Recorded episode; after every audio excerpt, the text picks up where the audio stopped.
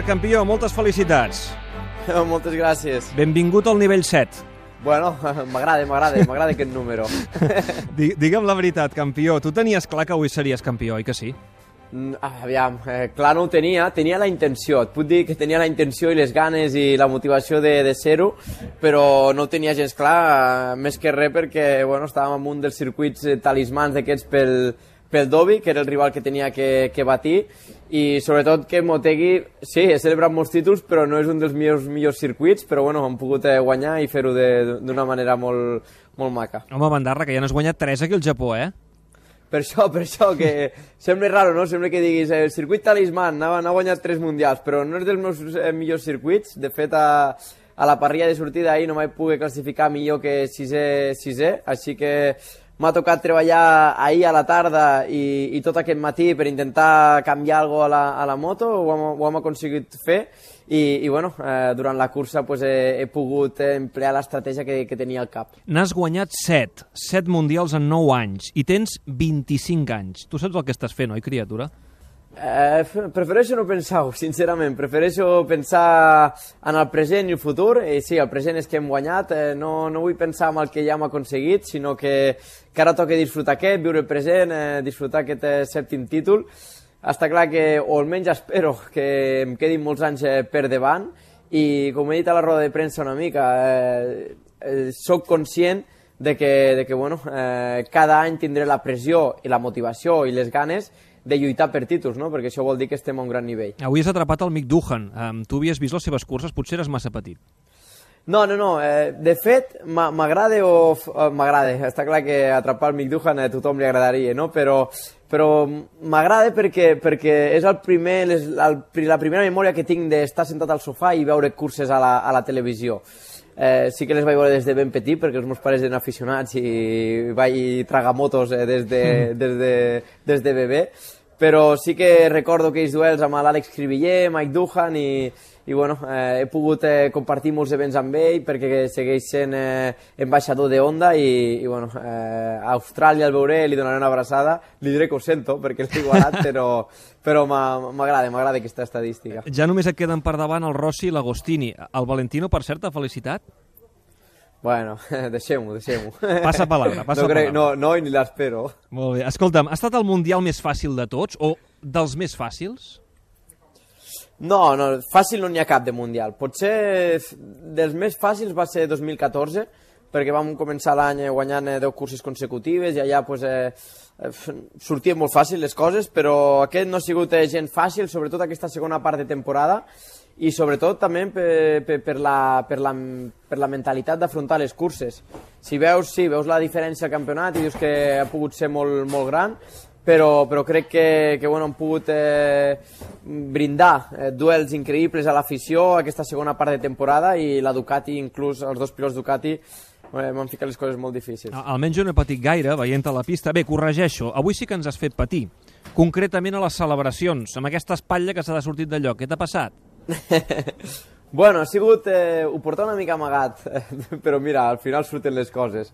Durant aquesta temporada ha sigut una mica el meu punt dèbil, l'espatlla esquerra.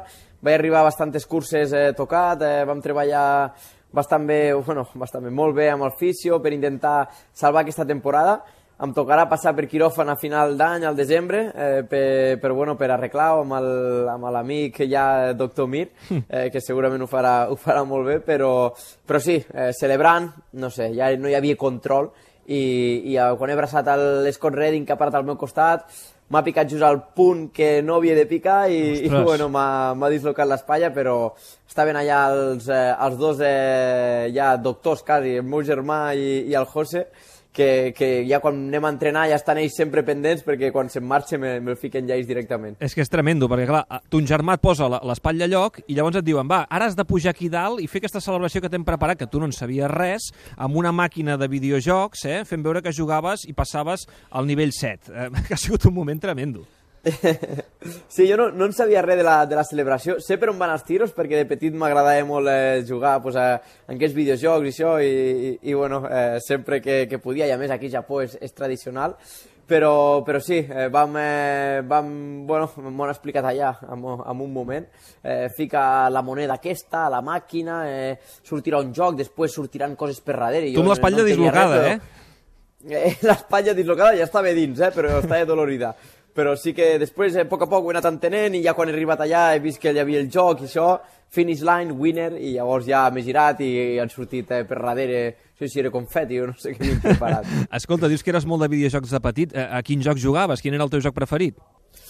Bueno, a tots, a tots. Jo vaig començar a jugar a la PlayStation 1, ja. Uh -huh. eh, me'n recordo que la tenien el meu pare i la meva mare allà amagada i la PlayStation sortia un cop a la, a la setmana. Eh, al cap de setmana sortia ja una horeta dos, perquè clar, no, no es podia jugar més, de, més del compte, els pares manaven, i, i evidentment jugàvem a motos, al mític Gran Turismo, Gran, Gran Turismo, Moto, MotoGP després quan va sortir, o sigui, jugàvem a, a tots aquells jocs. Escolta, ahir vam parlar amb la mare i em va dir um, que us va fer canalons a tu i a ton germà quan veu tornar de Tailàndia. Eh, què li has demanat sí, sí, sí. per quan acabis la torner per Austràlia i Malàisia? Bo, eh, queda lluny, queda lluny, però un bon pa amb tomàquet. És que ens va dir, ens va dir que els macarrons toquen dissabte. Sí, toquen dissabte, però el que, lo que trobes més a faltar és el més senzill. Eh, pa amb tomàquet i fuet allà al costat i això, això entre, entre sol. Escolta'm, l'any que ve amb el Lorenzo menjarem molt pa amb tomàquet i fuet, ens portarem bé? Bueno, eh, veurem. Al final cadascú està al seu costat del box i això, però, però sí, en principi amb el Lorenzo crec que els dos són molt professionals. Està clar que si a pista s'ha de lluitar, es lluitarà, com ho he fet eh, fins ara amb el Dani, quan ha tocat, i, i bueno, eh, un cop eh, sortim, ens traiem el cas que tot queda dins la pista i fora la pista pues, eh, un company d'equip més que, eh, com diu ell, no? no, és un eh, gran campió que ficarà les coses molt difícils. Avui ho patarem al karaoke, no? Em pots dir quina cançó cantaràs? Bo, eh, pues no ho sé, no ho sé. Eh, sé que en aquell karaoke sempre hi ha la típica, no sé per què, la vam trobar un any i així de castellà només ja la tengo la camisa negra, que no és de les meves preferides, però, però bueno, eh, ho, intentarem, eh, ho intentarem cantar algo, però bueno, després ja desenxufem el karaoke ràpid i fiquem allà el mòbil, el, el mòbil d'algú i una, una sessió guapa. I si no vol la draca en japonès. Uh, per cert, uh, Tontiet ens ha dit que el 10 de novembre rua per Cervera. 10 de novembre, eh, això és abans de València, no? Sí. sí. Et va bé o no? Sí, pues sí. Sí, sí, sí, va bé, va bé. Per celebrar va bé, sempre va bé.